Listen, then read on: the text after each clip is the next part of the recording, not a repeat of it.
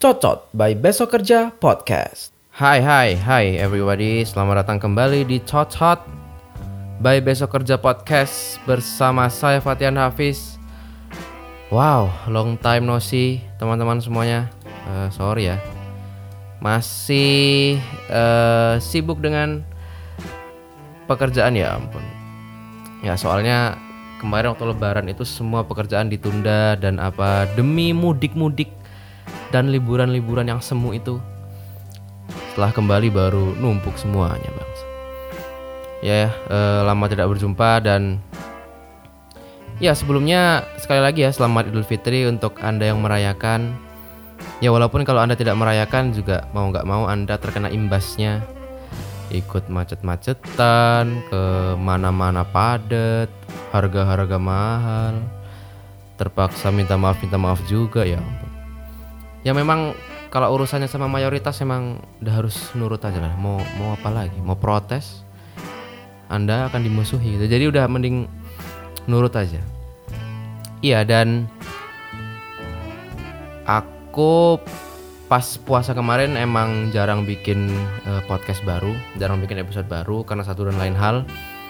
Tapi kemarin aku sempat eh, merecap drama-drama dan eh, berita-berita apa saja yang viral selama bulan puasa.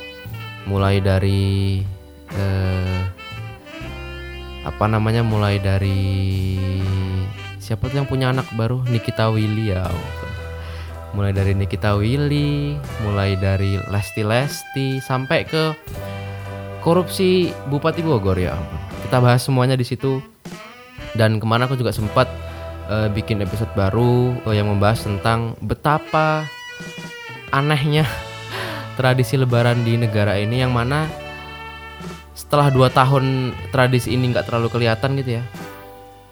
Tiba-tiba Lebaran lagi dan Lebarannya terasa normal lagi. Akhirnya semua tradisi-tradisi yang aneh itu eh, kelihatan gitu. Mulai dari minta maaf ya minta maaf terhadap kesalahan yang kita nggak tahu itu apa.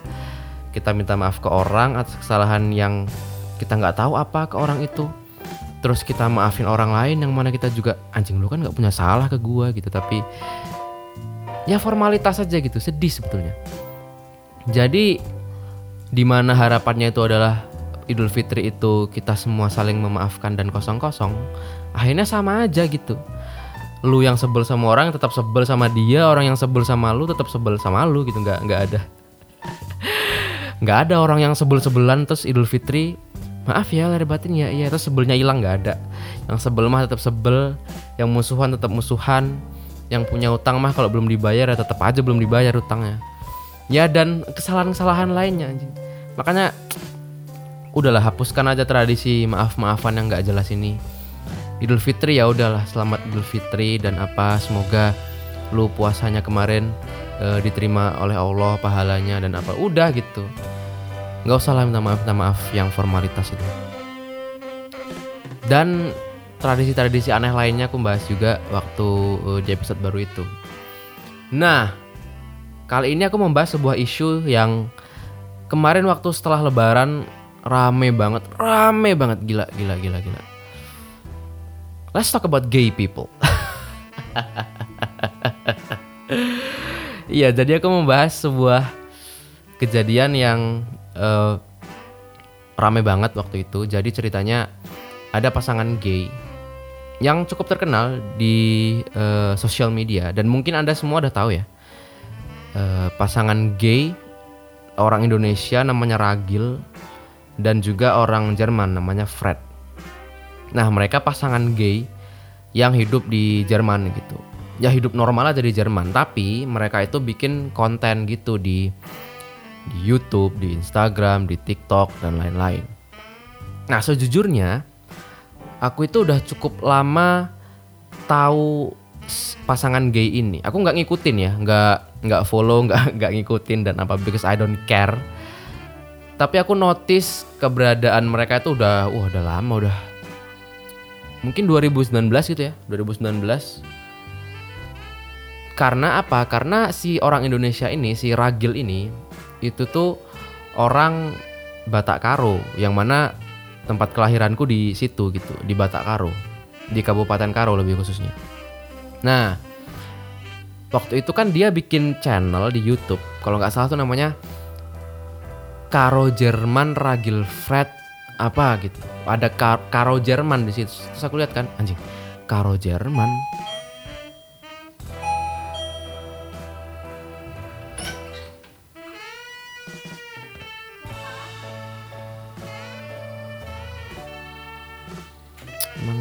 anjing emang anak-anak ini.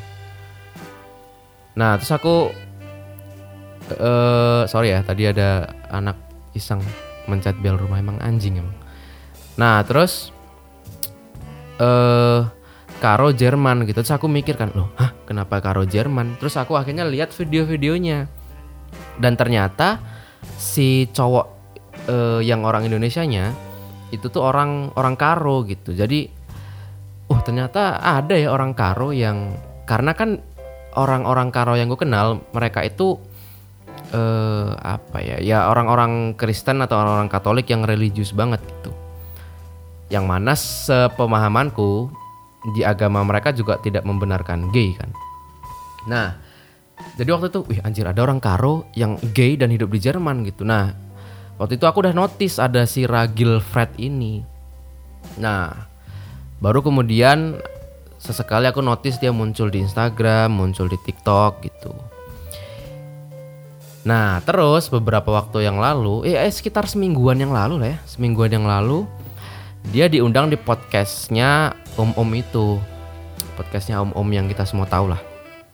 Nah, dia diundang di situ, terus aku nonton podcastnya dan aku nonton full, aku dengerin semua dari awal sampai akhir sekitar sejam. Jadi mudah-mudahan informasi yang ku terima eh, tidak dari potongan-potongan ya, tapi emang ku dengerin full. Waktu itu tuh rame banget. Aku tuh nonton kalau nggak salah waktu aku putar videonya itu kalau nggak salah baru 6 hours ago atau 12 hours ago gitu. Tapi yang nonton tuh udah jutaan, udah berapa juta gitu anjing. Rame banget pokoknya. Nah, terus seperti yang sudah diperkirakan, rame dong. Rame pro kontra, pro kontra. Eh, tapi mostly kontra. mostly kontra kalau dibaca-baca di komennya. Ya seperti biasa kalau ada konten tentang gay lah gitu. Ya isinya itu tidak jauh dari ayat-ayat suci, tidak jauh dari ancaman-ancaman pembunuhan, tidak jauh dari ya maki-makian dan lain-lain gitu. Nah, tadinya itu apa ya? Aku sih tidak tidak heran sama komen-komen negatifnya karena udah ketebak kan. Aku lebih takjub sama ternyata negara ini tuh sehomofobik itu gitu, setakut itu kita sama gay, seanti itu kita sama homoseksual gitu. Karena anjing kirain itu ya perdebatan tentang konten ini atau tentang gay ini itu kan pasti akan jadi trigger pembahasan kan. Akan banyak dibahas di TV dan apa aku kirain itu setidaknya ya seminggu dua minggu lah gitu akan rame baru kemudian eh, ketemulah satu eh, apa ya satu summary lah gitu satu conclusion tentang bagaimana kita harus bersikap terhadap adanya orang-orang gay ini. Ternyata tiga hari langsung di take down bangsat. Tiga hari hanya perlu tiga hari untuk menghilangkan konten segede itu. Dan aku baru sadar kayak ajik ternyata orang gay itu emang nggak ada power sama sekali di negara ini ternyata emang negara ini sehomofobik itu setakut itu kita seanti itu sama gay. Dan anjing, ya aku lebih heran sama itunya daripada sama komen-komen negatifnya. Ternyata memang sepowerless itu mereka.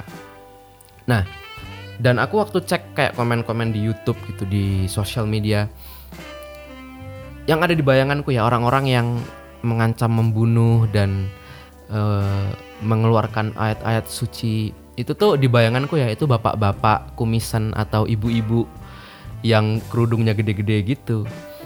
Tapi setelah aku lihat nggak juga ternyata ya banyak anak-anak muda seusiaku dan apa yang ya gitu yang bilang-bilang anak dajjal dan apa segala macam gitu. Dan ternyata di generasiku masih rame gitu. Berarti kan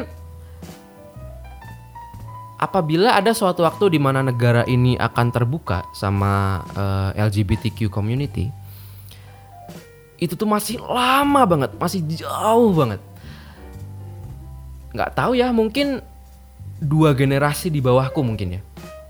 Paling cepet tuh dua generasi. Berarti cucu cucu kita, cucu generasiku nih, yang mungkin nanti pada saat itu LGBTQ akhirnya uh, diterima dengan tangan terbuka.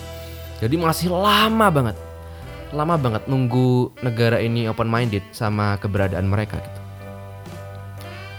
Ya makanya aku tuh kalau misalnya ada orang gay yang apa ya, yang open gitu ya, yang mengaku bahwa dirinya gay dan dia hidup di negara ini, aku tuh respect, respect setengah mampus. Karena ya apa ya, dia hidup di negara yang menolak dia gitu. Dan iya ya terus terang aja anda kalau misalnya anda gay dan anda nonton podcast ini atau dengerin podcast ini sampai anda mati anda tuh nggak akan diterima di negara ini gitu. Jadi ya paling cepat ya cucu anda gitu. Jadi sampai anda mati nggak nggak anda nggak diterima gitu. Jadi makanya kalau aku lihat pasangan gay yang akhirnya keluar negeri ya memang itu yang terbaik gitu. Di negara ini mau apa? Mau memperjuangkan apa Kalian mau demo-demo bawa bendera pelangi di depan Senayan kalau Anda nggak bisa ditembakin orang. Ya gitu gitu. Nah terus yang jadi masalah lagi adalah waktu pasangan gay ini diundang di podcastnya Om Om itu. Nah Om Om ini kan rajanya clickbait kan dia sering banget bikin thumbnail atau uh, caption yang clickbait gitu. Kalau nggak salah dia bikin captionnya itu tutorial menjadi gay di apa gitu. pokoknya tutorial menjadi gay. Walaupun isinya memang nggak ada menjelaskan tutorial menjadi gay. Tapi kan apa ya kalau dia sih waktu ditanyain ya dia itu kan bilangnya iya saya itu hanyalah saya tidak mendukung. Saya itu hanya ingin menunjukkan bahwa uh, mereka itu ada di sekitar kita dan udah ngaku aja bahwa anda mencari adsense udah itu aja kan itu sebenarnya Anda itu ngundang pasangan gay, bikin thumbnail dan caption yang clickbait for AdSense gitu. Udah akuin aja itu gitu. Tapi kan dia bilang kayak ya iya uh, dia uh, tidak mendukung dan tidak mensosialisasikan dan apa ya tapi apa yang Anda harapkan dari pendengar negara ini gitu? Secara intelijensi masih jauh, segala pesan-pesan yang anda sampaikan itu harus literal. Kalau sarkastik dan apa nggak nggak masuk nggak bisa nggak bisa. Jadi daripada pesan-pesan anda tidak tersampaikan harusnya dari awal anda bikin thumbnailnya itu literal aja gitu jangan tersirat gitu. Ya karena apa? Akibatnya apa coba? Orang-orang nangkepnya anda mensosialisasikan eh, kehidupan gay gitu. Yang akhirnya di take down kan? Ya ya gimana ya emang eh, salah persepsi dan salah tangkap itu emang budaya kita gitu. Jadi ya udahlah. Kalau misalnya Anda punya pesan yang mau Anda sampaikan ya udah, langsung frankly speaking aja jangan sok-sok sarkas dan sok-sok tersirat gitu. Ya udah lihat aja akibatnya sekarang. Dan apa ya, ngomongin bahwa negara ini ternyata sehomofobik itu itu tuh tidak jauh dari uh, ya sebetulnya agama dan budaya sih yang paling simpel gitu ya. Di mana agama kita mayoritas ya lima agama itu. Yang mana agama-agama samawinya ya aku nggak tahu ya kalau Hindu Buddha itu boleh nggak sih gay? Tapi yang agama yang tiga terbesar ya itu tuh kalau nggak salah ya ya melarang gitu semuanya melarang. Dan juga secara budaya kita budaya ketimuran ya memang apa ya ya menjunjung kesopanan dan eh, kesopan santunan dan iya gitu. Jadi memang lifestyle eh, kebebasan yang salah satunya digambarkan dengan keberadaan LGBTQ community atau dalam hal ini gay people itu jauh banget gitu. Sama apa yang kita anut selama ini dan apa yang diajarkan ke kita selama ini gitu dari segi agama maupun dari segi budaya. yang paling simpel aja kemarin Ingat nggak waktu si Livi Renata? Anjing ngomongin Livi aja. Livi Renata foto sama Jeffrey Nicole. Nah waktu itu kan si Livi Renata foto selfie sama Jeffrey Nicole yang agak agak vulgar gitu, bukan agak vulgar sih. Ya mereka foto nempelin muka gitu, eh, lumayan mesra gitu. Nah, terus orang-orang ke-trigger kan, Livi Renata, kau harus tahu bahwa Jeffrey Nicole itu udah punya pacar apa segala macam. Nah, terus aku baca itu kayak anjing, lah emang orang foto selfie ada pasti ada apa-apa ya kan nggak juga gitu. Ya mungkin bagi lifestyle-nya Jeffrey Nicole yang hidup di hiruk pikuk metropolitan Jakarta atau bagi Livi Renata yang kuliah di luar negeri, ya foto selfie sama berbeda jenis itu biasa aja kali gitu itu nggak ada apa-apanya. Tapi bagi anda yang hidup di desa dari keluarga yang religius anda hidup di suatu kampung yang apa ya yang konservatif dan apa ya ya itu adalah suatu pemandangan yang wow banget buat anda gitu. Padahal mah itu biasa-biasa aja ya sama gitu. Bagi negara kita tuh eh apa ya kak keberadaan gay itu kayak ajik laknat sekali semua ini gitu kayak berdosa sekali gitu. Padahal bagi orang-orang yang di luar negeri mah ya walaupun banyak sih masih yang kontra gitu ya. Tapi sekarang udah banyak gitu yang apa ya dari segi hukum dari segi undang-undang itu sudah mengakui keberadaan LGBTQ community gitu. Nah jadi sebetulnya kalau misalnya dengan uh, dipublishnya apa namanya uh, podcast tersebut gitu ya. Terus orang-orang bilang kayak ini adalah tanda kiamat sudah dekat. Gay-gay sudah merajalela di muka bumi ini. Dari dulu mah udah merajalela tapi anda aja nggak tahu gitu. Ya kan memang salah satu implikasi dari dunia yang terkoneksi melalui internet dan sosial media itu adalah semua jadi terhubung semua informasi jadi sampai makanya akhirnya mereka muncul ke permukaan gitu. Kalau orang LGBT dari dulu mah udah banyak gitu. Udah banyak banget. Bahkan di Modern Family aja season 1 ya tahun 2009 aja udah diangkat di series tuh pasangan gay yang adopsi anak Vietnam. Jadi ya orang-orang gay itu udah dari dulu ada. Ya misal kalau misalnya kita nonton Sri Mulat juga ada Tesi Tesi itu kan juga ada cowok yang kemayu dan apa. Itu kan sebetulnya ya kaum mereka juga gitu. Jadi sebetulnya udah ada dari dulu gitu. Jadi ya kalau misalnya anda baru kaget sekarang mah ya anda kurang gaul aja sebetulnya. Karena emang dari dulu udah ada.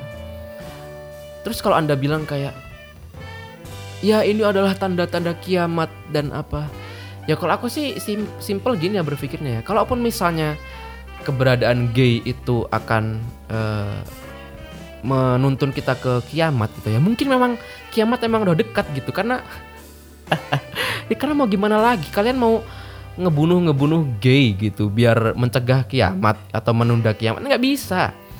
Orang-orang itu udah banyak dan sekarang udah makin banyak lagi.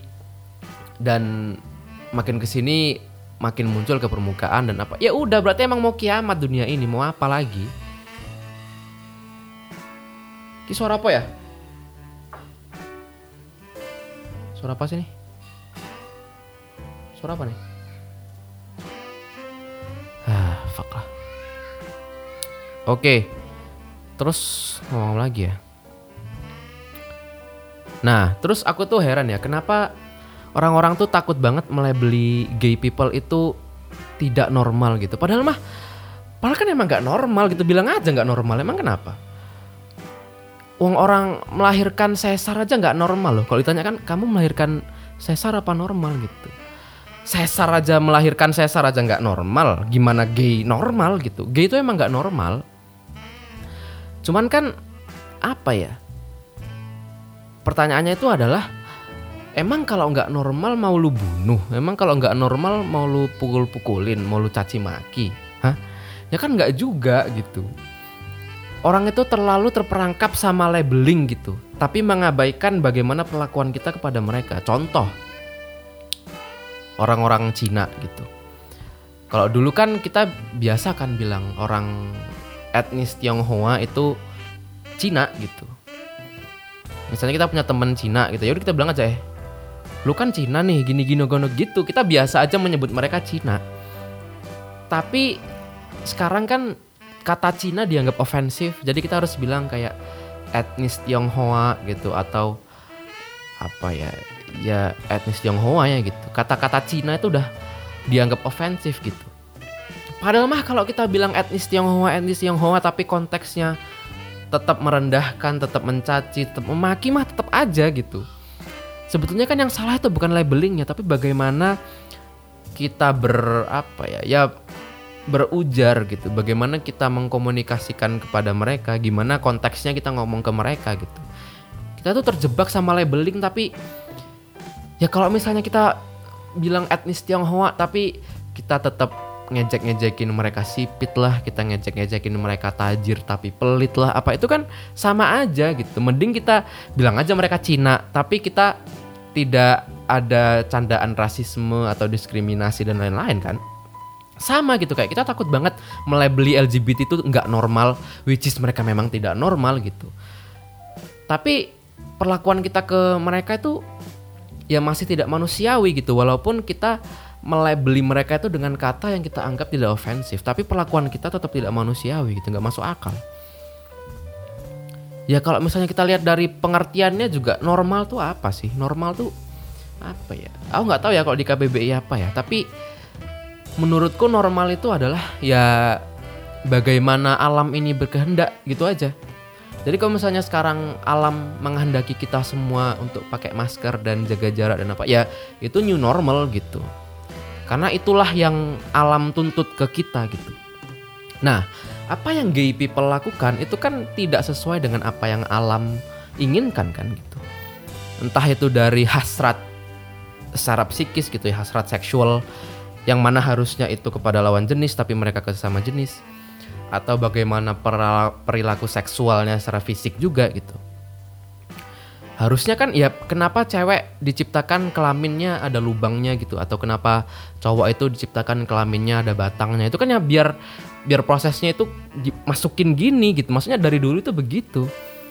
Tapi ya secara tidak natural ya mereka melakukan itu dengan cara lain gitu. Terus ya terus lu mau membela kayak loh ya kan bisa lewat butthole atau butthole kan bukan itu fungsinya gitu. Butthole itu organ pencernaan gitu bukan organ reproduksi. Ya kalau misalnya semua lubang mau lu fungsikan jadi itu mah lubang hidung lu gini mau difungsikan juga mau gimana gitu. Ya kan ada hal-hal yang memang dari awalnya diciptakan tuh bukan itu fungsinya. That's what gay people do gitu. Mereka apa ya mereka melanggar apa yang universe inginkan gitu. Dalam hal ini universe menginginkan bahwa ya we have to continue the existence of human being gitu dengan berkembang biak dan apa. Ya simply kalau misalnya kita mempertanyakan apakah sesuatu normal atau tidak bayangin aja semua orang di dunia ini melakukan hal yang sama oke? Okay? misalnya kita ingin tahu gay itu normal nggak sih? Bayangin semua orang di dunia ini gay Oke, yang cowok suka sama cowok, yang cewek suka sama cewek. Kira-kira apa yang terjadi?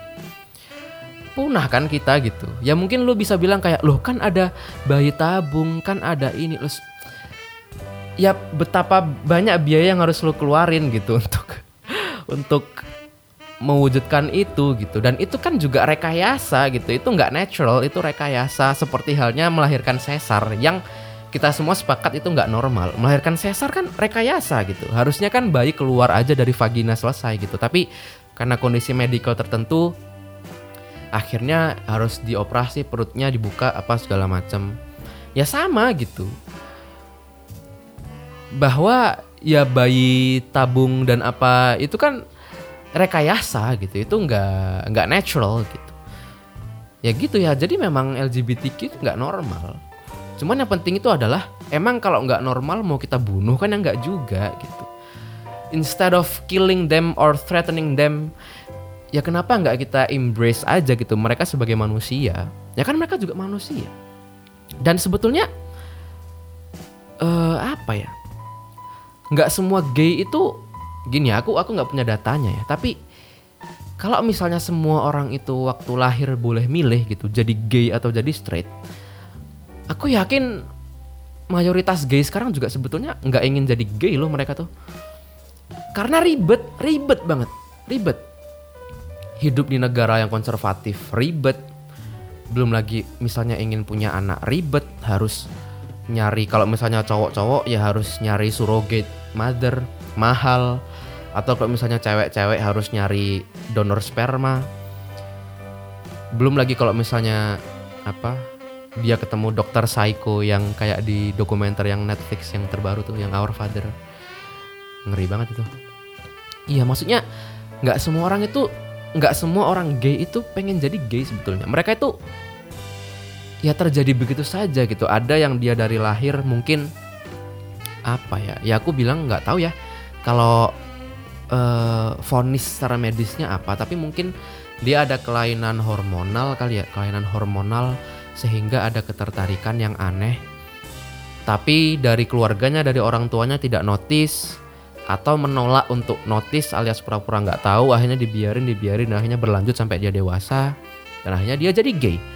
Atau ada juga yang lahirnya biasa aja tapi ada trauma. Atau ya suatu kejadian yang akhirnya menciptakan suatu mindset terhadap dirinya gitu iya gitu banyak penyebabnya gitu. Dan walaupun memang banyak orang gay yang brengsek ya yang apa ya yang promoting dan socializing kehidupan gay gitu tapi menurutku banyak lebih banyak yang tidak gitu. Jadi kasihan mereka sebetulnya. Kasihan sebetulnya. Uh, apa ya ya kalaupun misalnya mereka sudah terlambat untuk ditolong maksudnya ditolong itu boleh dari segi uh, segi jasmani atau rohani ya. Misalnya dari segi jasmani ya mungkin nggak tahu ya mungkin dicek secara hormonal atau apa atau misalnya kita tolong dia dari segi psikis. Karena kalau misalnya udah dewasa kan udah sulit tuh. Ya apa ya? Ya karena mereka pun kalau bagiku mereka tuh sama dengan orang yang ya kelainan aja gitu. Kan ada kan orang yang kelainan fisik gitu. Ada yang kelainan mental ya sama aja gitu. Jadi mereka itu emang perlu simpati kita gitu, bukan amarah kita atau hujatan dan ancaman pembunuhan gitu. Mereka tuh lebih butuh simpati daripada kebencian kita gitu. Dan who knows ya, mungkin dengan adanya kasih sayang orang-orang sekitarnya mereka jadi bisa apa ya berpikir dengan sendirinya, I don't know gitu. Tapi kebencian dan kekerasan itu adalah hal terakhir yang mereka inginkan dari kita gitu ya intinya aku respect respect serespect respectnya dengan orang-orang gay yang masih bertahan sampai saat ini gitu.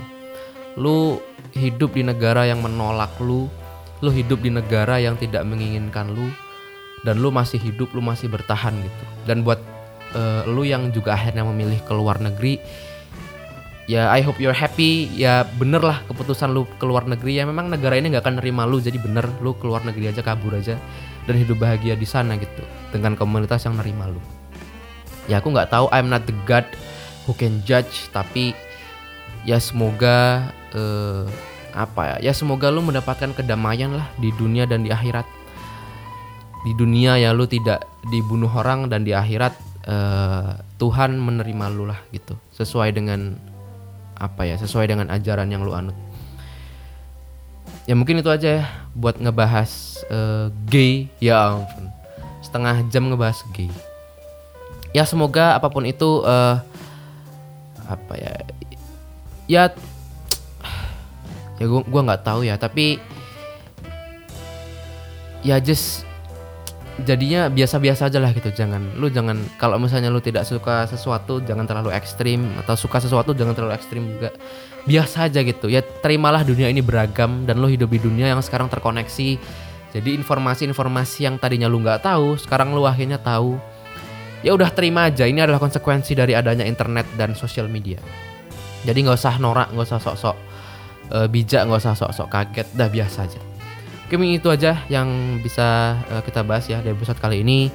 Apabila ada kritik dan saran, silahkan kirim email ke besokkerjapodcast@gmail.com, besokkerjapodcast@gmail.com atau DM ke Instagram eh, at at F A T H I A itu aja buat episode kali ini. Sampai jumpa di episode selanjutnya. Fatian Hafiz signing out. Bye bye Cot cot cot cot cot